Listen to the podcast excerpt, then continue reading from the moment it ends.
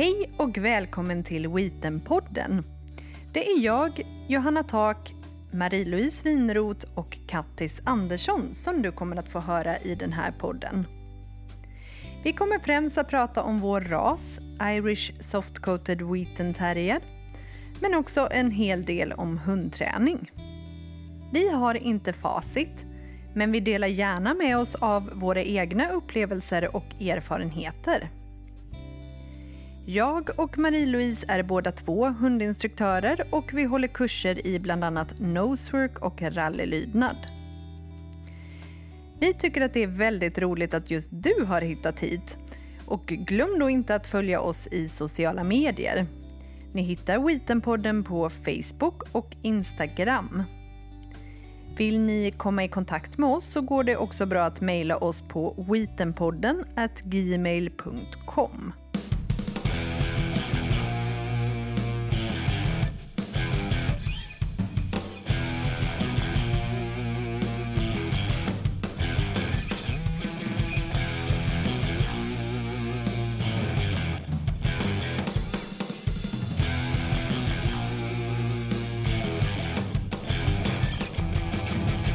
Hej och välkomna till Wheatenpodden. Hej! Johanna Marie-Lis och Kattis är här. Och sen har vi ju Shirra, Ja. Hedvig och Eivor här också. Tre hundar Mm. som pussas och kramas och inte äter upp mina örhängen. Mm. Så. Vi har lite bri här på bordet också. Ja. De är ju spekulanter på det. Eivor har ju aldrig blivit curlad förut och fått sitta vid matbordet så det har jag invigt nu då. Eivor tyckte det var jättekonstigt att sitta i mitt knä vid matbordet. Det har liksom aldrig hänt förut. Hon såg så lycklig ut. Jag älskar att skämma bort Marie-Louise hundar. Ja, jag vet. Och Eivor hon tränas och tränas och tränas. Och vi var lite mer nyfikna på det där Hoopers Johanna som du faktiskt har blivit instruktör för. Ja, Jättetrevligt, grattis! Tack! Och förut när vi pratade lite om eh, olika aktiviteter som finns för hundar så nämnde vi nog inte mycket om hoopers för då visste vi inte riktigt vad det var. Och, och vi Det är hade ju- ingen instruktör heller men det har vi nu. Precis. Yes. Det är, ju, Berätta. det är ju en ganska ny hundsport i Sverige. Eh, och jag har gått två instruktörsutbildningar. Först en eh, privat. Varför göra det enkelt? Ja, precis. Och Ja. sen har jag gått en instruktörsutbildning för, ehm, för eh, Svenska Hoopersklubben som nu har blivit en klubb. Liksom Ja. så. så nu kan man ansöka om medlemskap där också. Då. Spännande. Eh, och hoopers är ju ganska likt agility men skillnaden är att man inte hoppar eh, genom hinder så utan man mer springer eller travar genom hinder. Det behöver inte gå så fort heller egentligen. Det är någon båge såg jag. Ja, som precis. de ska gå Det är emellan. det som kallas Ja. hoops. Ja, Liksom. och det kommer ju från eh, så mycket annat. eh, Hula hoops heter Ja. det ju på engelska då. Så det är ju Rockring. rockringen. Precis. Eh, och sen så är det inga snäva svängar och eh, höga hinder och sådär. Så att det är ju en väldigt skonsam sport både för hundar och för människan då som inte behöver springa så mycket utan man står på ett ställe och dirigerar hunden på avstånd kan man säga så ska hunden springa genom en bana som vi dirigerar på avstånd.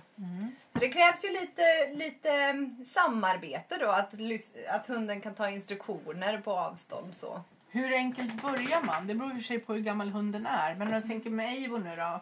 Och även när du började med. Vad, alltså om man vill träna det här lite grann hemma. Bara få prova på genom någon, något rör, någon båge man har. Eller någonting man ska skicka Alltså, dem ofta till. börjar man ju med att få hunden att springa till någonting. Där använder ju vi eh, dels en här godismaskin, treat and train, eh, som hunden ska springa till. Eller någon form av extern belöning, kanske ett eh, target eller sådär. Eh, Så att hunden bygger upp en förväntan att springa mot den och där blir man belönad. Så belöningen kommer inte från oss som förare utan den kommer framåt. Och de här maskinerna är väl bra för då behöver inte du springa dit och lägga dit godisar hela tiden utan du trycker på någon knapp, någon Ja fjärrkontroll. precis, exakt så. så kommer det ut en ny godis och så kan du stå kvar och slippa hålla på och springa fram och tillbaka. Precis. Mm. Och fördelen är, hade jag haft en skål, Issy är ganska bra på att springa och tjuva när hon Mm. inte får springa till skålen. Så att den här maskinen gör ju att det blir väldigt kontrollerat. Att även om Issy springer till maskinen Mm. så trycker ju inte jag på knappen så då blir hon ju inte förstärkt liksom så. Mm. Nej, ska man ha en godisskål och man har en hund som tjuvar så behöver man ju vara en person till. Som Precis. kan sätta handen på godisskålen helt just det. enkelt. Men det är ju ganska fascinerande ändå. Jag har ju fått Issi. Jag trodde ju att vi skulle ha ganska mycket problem med det här med avståndslydnaden. För Issi är ju en hund som är väldigt van att, att träna nära mig. Ehm, så så att, jag trodde inte att jag skulle få ut henne från mig. Men det, det byggs upp ganska snabbt det här självförtroendet att våga. Liksom så. Man ser vart den här gyllene gränsen går. Liksom. Och så får man hela tiden stretcha den. Liksom. Och sen går man längre och längre ifrån hunden och, och den tar fler och fler övningar. Eller hinder. Kallas det för hinder eller kallas Ja det det för kan man väl hoopers, säga. eller? Ja, hoops eh, Ja. är det väl som de kallas så. Så att de ska ju springa i den här banan då precis som det är i agility egentligen. Eh, s- ja. Och Nej. när får de fel? Och om de, blir det en bana? Har du börjat med tävlingar eller? Det har väl varit lite Ja. testtävlingar så. Jag har aldrig ställt upp i någon tävling ännu Nej. så. Eh, men det hoppas jag att vi kan göra i framtiden. Ja. Och går det ut på att man får betyg på hur långt ifrån jag kan, om jag står helt still som förare eller om Ja, jag rör det. mig eller ja. I klass 1 så får man ju springa, eller i startklass som det heter, så får Ja, man det ju finns olika också. Ja, precis. Så får man ju springa med hela vägen. Okej. Men det blir ju väldigt stor kontrast sen när man helt plötsligt inte ska springa med. Så jag tycker väl, och alla inom Hoopers tycker väl egentligen att man ska börja bygga upp den här avståndslydnaden Mm. ganska direkt. Liksom så. Så, för det har man igen sen liksom. Mm. Eh, ja. Kul. Men så rundar man även lite koner och... Nej, det, Nej. det är fyra hinder. Så det är hoopsen Ja. och sen så är det en tunna som man ska runda. En tunnare. Jag Så tyckte antingen- man, ja. Ja, och sen så är det en tunnel och sen ett staket. Och det som är svåra, svårt med staketet är att hunden ska vara på andra sidan staketet än vad föraren står och dirigerar. Gärna vill ju de smita på den sidan som föraren står. Liksom så. Och sen med tiden så finns det ju då, det finns ett dirigeringsområde då som man ska stå och dirigera hunden från. Och sen så finns det ett bonusområde som är på andra sidan så, Okej. att, ja, så att man får lite olika poäng då beroende hur mycket man följer med hunden och sådär då. Vad kul. Och Eivor är en stjärna. Ja, alltså den som faktiskt egentligen är den starkast lysande stjärnan det är ju Shirra. 13 Ja. bast. Hon, Ja, hon tycker det här bara, galen. hon är helt Roligt. såld. Ja, hon är helt såld. Vi måste få pröva någon gång. Ja, absolut. Ja, vi var ju och körde lite med både Issi och Shirra och Mm. Hedvig och allihopa. Och Issi och Shirra de var helt galna. Vad Liksom. De roligt. tycker det är så Det är roligt. perfekt för gammeltanterna Absolut. också att hålla på med. Vad roligt. Mm. Och då, då kör man runt eller Vi hade ju, vi har ju börjat väldigt Ja. enkelt så det var ju ganska mycket raksträckor och Ja. sen så började vi med att runda en, en så att säga, tunna och sen komma in på rakan. Det var väl det vi har gjort liksom. Men sen kan det Precis. svårighetsgrader kan bli att det går bli slalombanor eller är det Alltså alltid... det är ganska snälla banor så egentligen. Eh, Det är svårt att förklara en bana och inte visa en banskiss liksom så. Men det är ju inte som i agility att de ska ta snäva svängar och vända utan det, det är ganska... Sen så är det ju Ja, det kan ju uppstå samma problem att hundarna tar en hoop som man inte har tänkt att de ska ta och sådana saker. Så det, det, är, det är utmaningar också. Det är, jag trodde nog att det skulle vara enklare. När jag började med hoopers så tänkte jag så här, hur svårt kan det här vara att springa den här lilla banan? Men det är rätt svårt liksom. Vad säger man som förare då? Jag har egentligen än så länge bara fram, fram, fram. Fram, så det är inte fram, riktigt fram. så som det är i agilityn att man säger tunnel Nej, och nej. döper de olika hindren. Utan det är egentligen med att man döper vad hunden ska göra. Ja. Att den ska kanske ut från mig Ja. eller in mot mig Ja. eller sådär. Så att man, man kanske namnger hundens riktningar på Mm. ett annat sätt. Spännande. Ja, Mm. det är kul. Mm. Då får vi fortsätta. Men du har lagt ut, fanns det på din hemsida någon film eller? Ja men precis, det Ja. kan ni kolla på min Instagram eller Ja. sådär så, så finns det lite videos därifrån. Vad roligt. Mm. Ja. För, nu, för nu har du ju haft en kurs också i, med Wheaton-klubben. Ja, det pågår i alla fall. Just så vi det, har haft roligt. eh, två tillfällen Ja, än så länge. Det Då. jätteroligt. Ja. Är de duktiga? Ja, vad allihopa. kul. och den som är stjärnan är ju faktiskt Hedvigs mamma. Mm. Hon är också 13 år. Ja, Eller vad är 11. hon? 11. Vad Och roligt. så duktig. Ja. Så det är jätteroligt att det här är liksom gammelhundssporten. Liksom. Kul. Vi får hoppas det kanske kommer någon till våren också då, om det är fler som är intresserade. Mm. Absolut. Mm, vad roligt. Ja. Bra! Är det någon ni vill prata om Hoppus något mer? Eller ska vi övergå till nästa ämne? Som vi slutade lite med förra gången. Ja men precis. Ja, vi var inne lite grann på fodervärdsavtal och fodervärdar och, och sen, jag vet inte om det kallas fodervärdar då när tiken har fått sina valpar och sen eh, så vill eh, uppfödaren Säljer de dem då eller? Det finns eller- ju det är lite lite- ja. helfoder och det finns halvfoder och det finns ju lite olika sådana här avtal egentligen. Ja, sen finns det ju de som är fräckare än flatlös och säljer hundarna med bibehållen avelsrätt. Alltså tar eh, nästan fullbetalt för hunden och ändå ska ha då kull. Så, sen finns det ju uppfödare som istället då för att göra upp det innan väljer att liksom lisa tillbaka en hund. Alltså betalar då för att få använda hunden. Att, i, så. Vi har ju berört lite grann om foderavtal innan. Ja men precis. Det var några som ville att vi skulle gå in lite djupare på det där. Eh, och eh, som var intresserade av att, att bli fodervärd och, och vad det är som gäller. Både som eh, fodervärds... Ja, det, alltså, ja, nu kommer man väl vara djävulens advokat lite grann då, då sådär känner jag. Eh, Men vi säger bara vad vi tycker. Ja, vi, därför att det är så här, inte- att många gånger så blir man ju lite så här charmad som, som valpköpare när uppfödaren ganska snabbt kanske säger så att åh, skulle ni kunna tänka er att vara fodervärdar? Därför att då får man ju lite så här special atten- attention på något sätt. Liksom. Så jag tror att man många gånger charmas av det och blir lite så här starstruck och de har valt ut mig eller oss och och de tror jättemycket på oss. För det är ju klart att man som uppfödare då försöker hitta någon som man känner att man klickar med och som man absolut tror att här kommer hunden få det väldigt, väldigt bra. Liksom. Så, så det är ju inget konstigt. Och även där tänker jag så här, jag, jag har ju hela mitt liv förberett mig för att skaffa hund. Jag har ju sedan jag var barn läst hur mycket hundböcker som helst och jag har liksom i hela mitt liv hållit på och eh, gått ut och gått med kompisars hundar och allting sånt där. Men jag har ju aldrig haft min egen hund så det var ju en ny grej liksom. Och det här då att få känna trygghet i att så här, att har vi ett fodervärdsavtal så kommer vi ha nära kontakt med våran uppfödare. Vi kommer få tips och råd och ehm, ja, vi blir inte lämnade liksom så vind för våg utan det var väl det som var lockande för oss liksom. Att eh, hunden kanske kan vara där ifall man är på semester och liksom ja, så. Man, man lägger väl fram de här fodervärdsavtalen så att de låter väldigt attraktiva. Liksom. Jo, och sen ska man ju inte sticka under stol med att de funkar fodervärdsavtalet och man, man har schyssta avtal och man känner att det funkar och man liksom ja, men, drar åt samma håll eller vad man ska säga. Liksom, då är det ju oftast inga problem med de här avtalen. Liksom att man, ja, men, man kanske då, för att ofta ska ju hunden då finnas till, tillgänglig för att ställas ut och sådana grejer. Och tycker man själv att det är kul att följa med och sådär så brukar det oftast inte vara något problem eh, att få göra det. Eh, så så att liksom i, när det funkar så funkar det oftast väldigt, liksom, när det funkar bra så är det ju jättetrevligt och jättebra.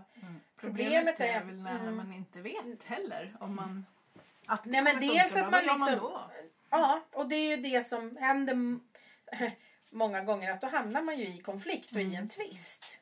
Så. Ja, för det ska man ju komma ihåg också då att är man fodervärd så behöver den här hunden vara i utställningsskick. Pälsen behöver vara liksom i fint skick hela tiden så att hunden hela tiden kan ställas ut. Eh, ma- Man, man får ju inte riktigt bestämma över sin egen eller den hunden man vårdar liksom så. Utan, Nej men därför att man har inte betalat för den heller utan man- man, man, ska, man ska egentligen stå för foder. Sen så står ju, ska ju uppfödaren då stå för försäkring.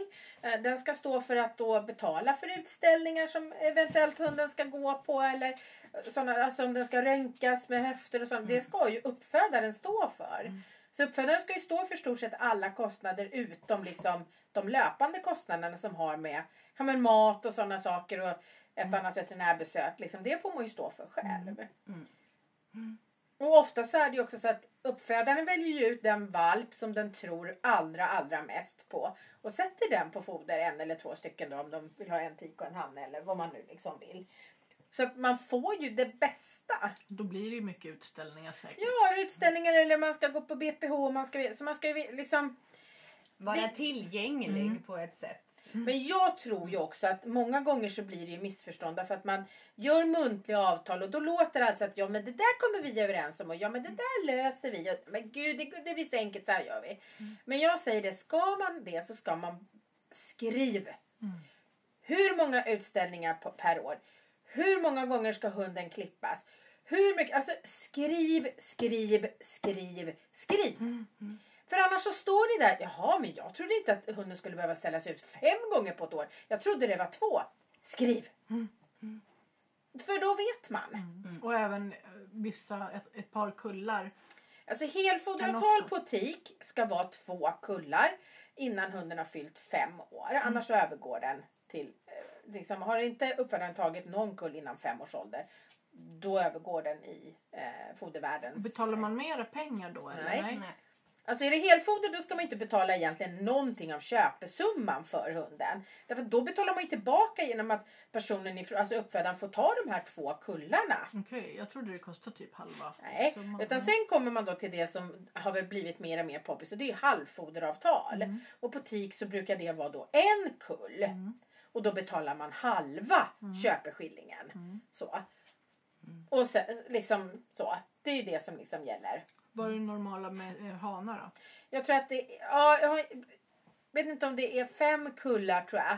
Och då är det upp till hunden är sju år gammal. Så då ska man ju faktiskt betänka att halva hundens liv så, så äger man inte hunden. Ja, just det. Nej. Och sen även göra upp skriftligt det här med var hunden ska befinna sig när den får valpar. Ja och har man en hanhund så är det så här att då behöver man göra upp liksom, ska det vara så att tikar kommer hem till mig som fodervärd för parning? Ska jag vara med på det? Ska jag stå för det? Eller ska jag då tillhandahålla hanhunden eh, till eh, uppfödaren eller till den som har tiken? Va, vad säger man där? Det är ju jätteolika. Men hur Så- ska jag veta allt det här? Finns det någonting på SKK färdiga fodervärdskontrakt? Ja, det finns färdiga, men jag tror inte att allt sånt där är Nej, det jättehårt praktiska står ju inte där Nej. heller. Och det kan väl jag känna så här. Vi var ju fodervärdar och det var ju ganska mycket meck med det här i och med att vi jobbade skift. Både jag och Kristoffer och där med hämta och lämna inför. Mm. Det kanske inte passade att jag åkte, eh, ja egentligen skulle jag iväg med Issi på utställning eftersom jag hade jobbat natt. Men det var Mm. ju bara att gilla läget och åka och lämna hunden efter att jag jobbat natt. Liksom så. Så att, sådana praktiska Kommer. saker kan ju vara lite mer omständigt än vad man först tror. Liksom. Nej, och sen så är det så här också att man, man kan ju hamna i konflikt att man själv faktiskt också känner så här att ja, jag vet inte om den här hunden kanske är lämplig att gå i avel. Den kanske eh, har ganska mycket rädslor. Den kanske har klådor. Det, alltså det kan vara massor med saker som man som liksom då fodervärd känner att det här är, är kanske inte det bästa att gå i avel. Men det, det, dels så kanske uppfödaren inte ser det för man har inte daglig kontakt. Men sen kanske uppfödaren också känner sig att ah, fast det är nog inte så farligt. Och då kan man ju behöva ta strid och det är inte så himla enkelt. Då bör man ju också bo med ganska, i ganska närhet till. Det brukar ju de flesta uppfödare verkligen se till att en radie inom 10 mil vill Ja, man ju liksom så att, man, så att det ska vara lätt att vara så. Och, och, men när de här hundarna då där det liksom krävs med pälsvård och sådana saker att, att liksom ja, du behöver hålla den där hund, liksom pälsen i schysst trim och du får inte klippa som du vill och, och, och så. Så att liksom det, ja. Nu låter man ju liksom så här men, men jag tycker nog att man ska tänka både en och två och tre gånger innan man går in i ett foderavtal. Sen kan det ju vara att man inte har något val. Man vill så gärna ha en hund. Och har äntligen stått i kö så länge. Och nu säljs det så himla mycket valpar också. Så det är ju svårt att, att komma in i den där kön. Men jag tycker man, där måste, alltså för, för min del, jag kan säga så här. Eh, jag ägde Kirra tillsammans med en tjej som, vi var goda vänner. Och jag måste bara släppa ut min valp lite. Du måste ha koll. Nu visar hon att hon ville gå och kissa. Och då var det två till som var kissnödiga. Ja. Ja, hon ska bara kissa lite grann. Ja, nej men det, alltså, det är ju svårt det där. Eh, man kanske blir så glad att man äntligen får men då blir det till ett fodervärdsavtal då om jag äntligen ska få min hund. Och då kanske man inte har någonting att välja på men då är det ju jätteviktigt att man har koll på de här grejerna. Ja, man behöver ju komma ihåg att det är ju åtminstone fem år man kommer behöva ha mycket kontakt med den här personen och att man känner att personkemin verkligen stämmer överens. Jo men som jag sa att jag, jag köpte ju Kirra tillsammans med en god vän. Så vi ägde halva hunden var. Och det slutade ändå med att vi inte kom överens. Hon tyckte en sak och jag tyckte en annan sak. Så. Och vad gör man då? Ja, jag stod på mig och det blev som jag ville. Ja, det hade jag kunnat förstå. Men, ja, men nej men, och, och det, nej, men och där, då är det svårt. Mm. Sen är det så att då kan man ju vända sig till SKKs juridiska avdelning. Eh, så att där kan man ju alltid få hjälp. Eh, så. Och, det eh, Svenska Kennelklubben. i Svenska Kennelklubben. Om man då har ett skriftligt avtal. Har man muntliga avtal så är man ganska rökt liksom. Men är det inte lite oseriöst att bara ha ett muntligt avtal? Eller? Ja, fast, eh, jo, fast jag tror ju många gånger tänker man så här, "Ja, vi ordnar det och ja, ja, ja. Och man, ja, man lever i lite lallaland och, och tycker liksom, ja men som ni säger själva att man har stått på kö och man har väntat och man har liksom, ja, ja, ja, men det där löser sig, det löser sig sen. Och så står man där att nej, det gjorde inte det. Och det kan ju vara lite känsligt också att gå igenom de här frågorna med uppfödaren. Ja, och kanske så vet man inte ens vilka frågor man Nej. ska Ska ställa. ställa. Liksom så. Det kan ju också Eller vara vilka man, krav, ja, eller? Ja. Ni får Men det är höra av er till oss så får vi komma med goda råd. Ja, nej men, nej, men jag, jag tror att man dels så måste man lita på sin magkänsla men sen, sen framförallt liksom att vad innebär det här då? Om man säger så här, ah, jag, vill ha, jag ska ha två kullar, okej. Hur tätt ska de vara? När ska de vara? Och då ska man också veta att det ska man lämna ifrån sig tiken då för parning. Och det kan ju vara då kanske en, två veckor därför att den ska åka någonstans och hej och hå. Och då lämnar man ifrån sig sin tik när den är en jättekänslig period under löp. Därför att många gånger förändras de ju ganska mycket under löpet och lite sådana grejer. Och sen ska man para. Och den det, är i alla fall, förlåt att jag bryter, två år då. Tre, två, två två år. Mm. måste den ju vara. Alltså, alltså fyllt tycker jag. Jag tycker ju inte man parar Nej. innan. Never ever. Men eh, så. Mm. Jag, tror att, jag tror att det finns någon regel och jag tror att det är 18 månader eller något sånt där. Okej. Mm. Jag kommer inte ihåg. Nej, jag kommer inte ihåg. Men, men jag tycker att tiken ska vara... mm, mm, Alltså, minimum ska den vara två år. Den, den får inte vara yngre. Och då måste man ju lämna iväg den. för Ja men då ska man lämna iväg den för parning. Mm. Och sen kommer den tillbaka. Och då är det så att det kan ju ske saker under parning som inte är så trevliga. Nej. Nej.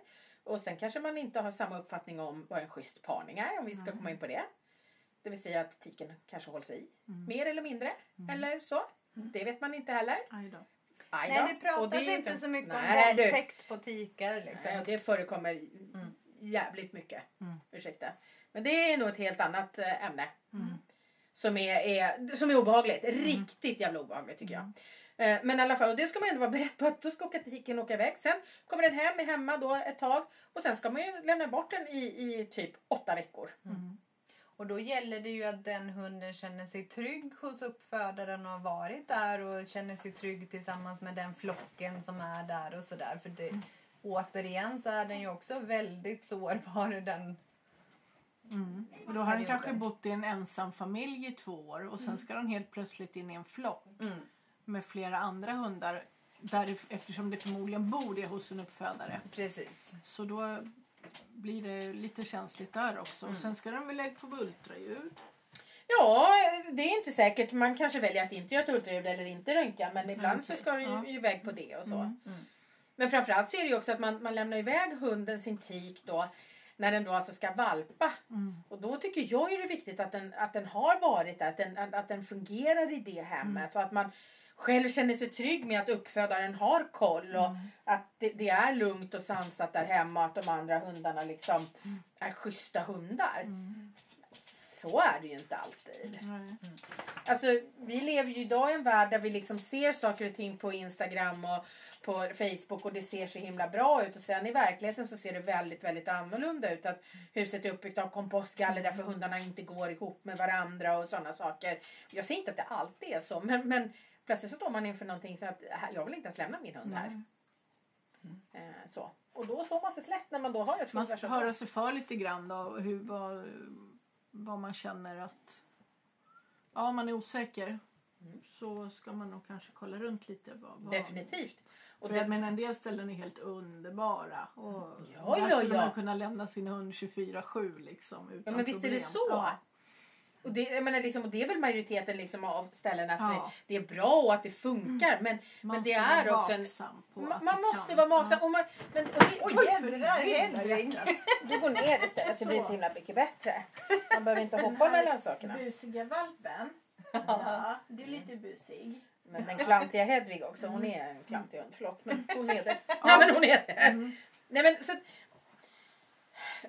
Ja men man, man Ja, Men det är ju precis så att blir man också besvärlig och ställer mycket frågor då eh, tror jag ju att många gånger så kanske uppfödaren drar öronen åt sig.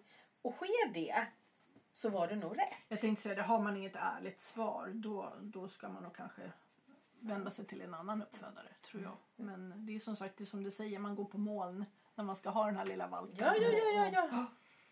Men vi vill bara uppmana alla, var vaksamma om det liksom. Och håll koll och få bra, skriv bra avtal. Skriv och skriv liksom för mycket än för lite tycker jag. Så. Men För det är, ju svårt. samma, jo, men det är samma sak med, med som hanhundsägare så kanske liksom då hör, hör liksom, eller hanhundsfodervärd att ja nu ska vi på den där tiken så tycker man själv inte att men gud den där tiken tycker inte jag om överhuvudtaget. Så, sånt kan ju också bli. Mm. Och även då om tiken ska paras med en hanne som man själv inte. Alltså, och då, man har ingenting att säga till om. Nej. Så är det. Mm. Därför att det är så. Då ska man gilla läget bara och sen Mm. så blir det som det blir. Så ibland kan jag ju tycka att det, det är liksom som tror jag egentligen skulle vara mycket, mycket mer fördelaktigt för många. Det är ju att man lisar tillbaka hundar istället.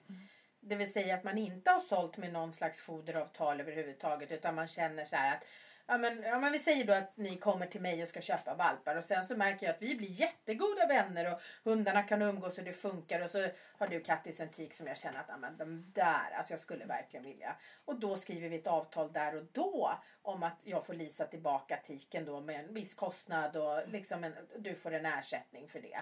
Så. Och då har vi inte ingått det avtalet ens innan utan vi märkte att ja, men vi klickade och det här kändes jättebra och vi umgås mycket och då, då känner vi oss trygga bägge två.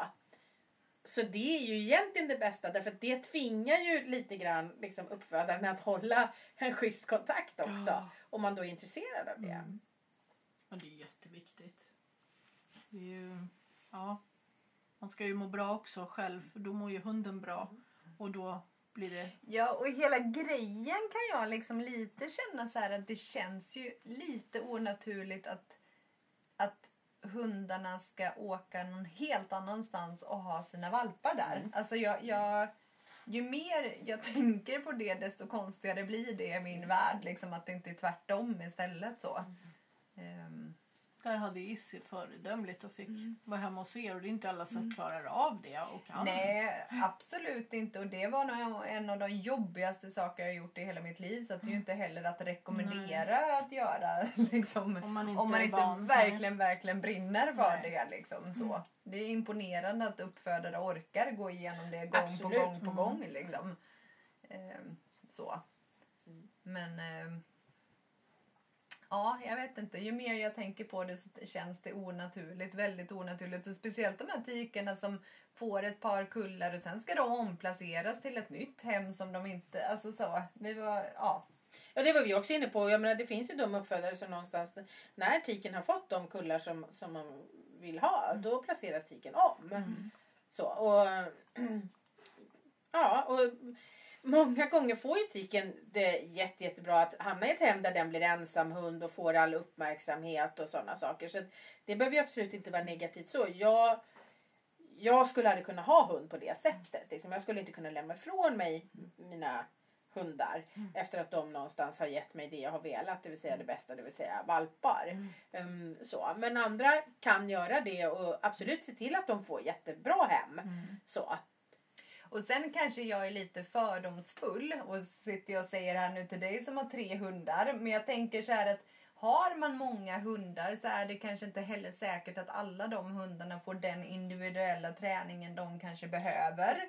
Och då ska de helt plötsligt sen flytta till en ny familj och helt plötsligt uppleva världen på egen tass när de är vana att bo i en flock. Så det kan ju bli jättestora kontraster för de här hundarna. Det kan det absolut bli. Likväl som det blir väldigt, väldigt bra. Så det, Ja. det finns ju liksom ja, två sidor av myntet hela tiden. Liksom. Så är det ju. Men absolut. Ja. Hoppas de tyckte att vi, var, att vi gick eh, lagom djupt in på det här. Man kan diskutera länge och mera om det men eh, vi känner väl att det viktigaste var ju att, att verkligen få fram att man, man ska nog inte vara rädd att ställa lite krav och lite... Ja, och inte tjusa så himla mycket direkt. Därför att man, man hör ju det väldigt, väldigt många gånger Mm. första gångs hundägare som står ja men vi är fodervärdar. Mm. Okej. Det vill säga att man har inte ens, man vet liksom och då är det så här, man har inte ens koll på det jag har hund Mm. och då blir man dessutom fodervärd. Det vill säga ett snäpp till i det hela Mm. som ska, ska uppfyllas och göras. Liksom. Men sen har, kan det väl även förekomma att, att jag som uppfödare känner att nej men det här, den här tiken blev inte riktigt som jag trodde. Jag vill inte avla på den. Absolut. Ja, och det är ju schysst. Och då, då övergår fodervärdsavtalet Ja. fortare. Ja, då kan man ju skriva över hunden. Ja. Så, och det kan, ju, det kan ju ske saker också. Jag menar, säga att till exempel det visar sig att nej, men, hanhunden fick inte båda testiklarna ner. Nej.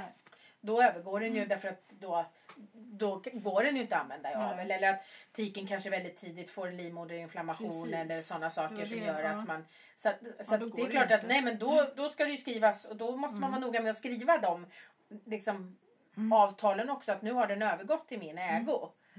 Så. Sen kan ju jag tycka ett problem, jag har ju en god vän som lyssnar väldigt ofta på vår podd så vi kan väl hälsa till henne här Ja. också. Eh, som är inne i det här och ska skaffa sin första hund och har gjort allting rätt, läst på. Hon följer massa uppfödare på sociala medier bara för att hon vill liksom lära känna olika uppfödare och se hur de är med sina hundar och sådär liksom. Och, och hon vill ju ha en eh, ras som kanske man inte har. Eller hon är väl inne på rottweiler och amstaff som så. Och, Okej. och där är det ju många uppfödare som kanske inte tycker det är en bra första gångs hund till exempel.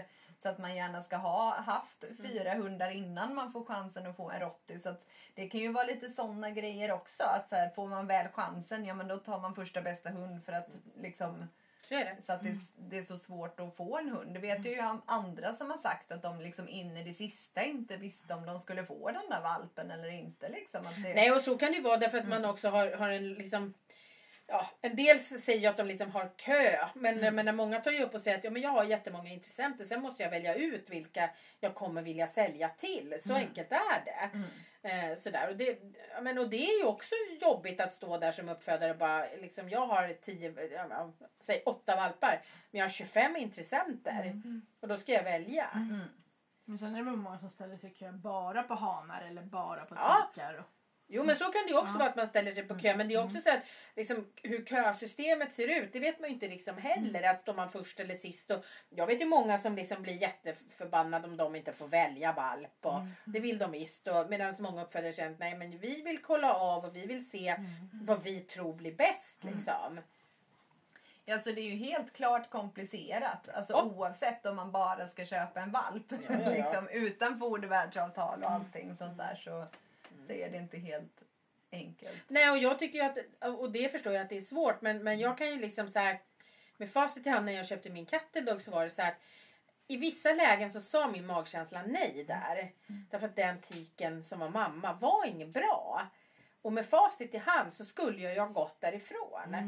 Men jag var så kåt på det här med, och det var en speciell ras och jag, det var jättehäftigt att jag hade fått ja och köpa och liksom därför att det föds 27 hundar per år och det var liksom ja men typ 27-30. Okej. Ja, ja, gud det är jättefå. Nu är det väl kanske något fler, men i perioder så har det ju varit. Så det där var liksom så wowigt.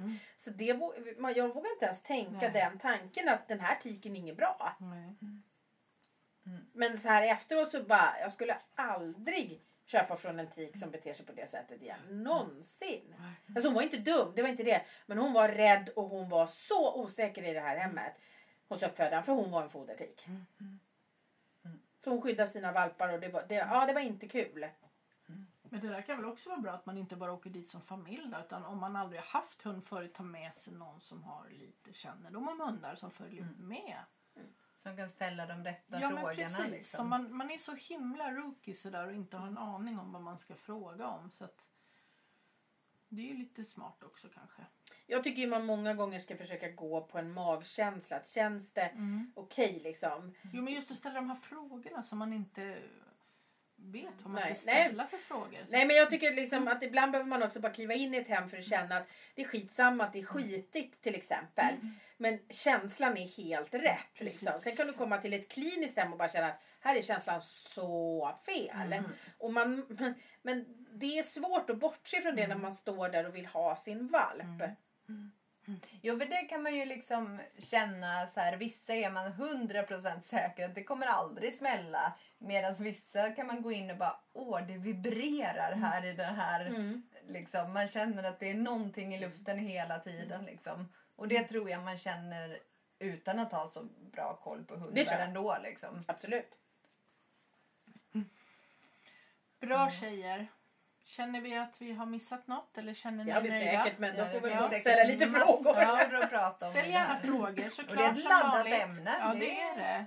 Och ibland är vi lite rädda sådär hur djupt vi vågar gå. Och- För att det, Ja. så att det är, det är svårt. Vi, vi, Jo men man vill ju inte avskräcka och säga bli för fan aldrig Nej, fodervärd det är det jag heller. känner också. Det, det är, Det är klart att det, det kan vara kanonbra också. Ja.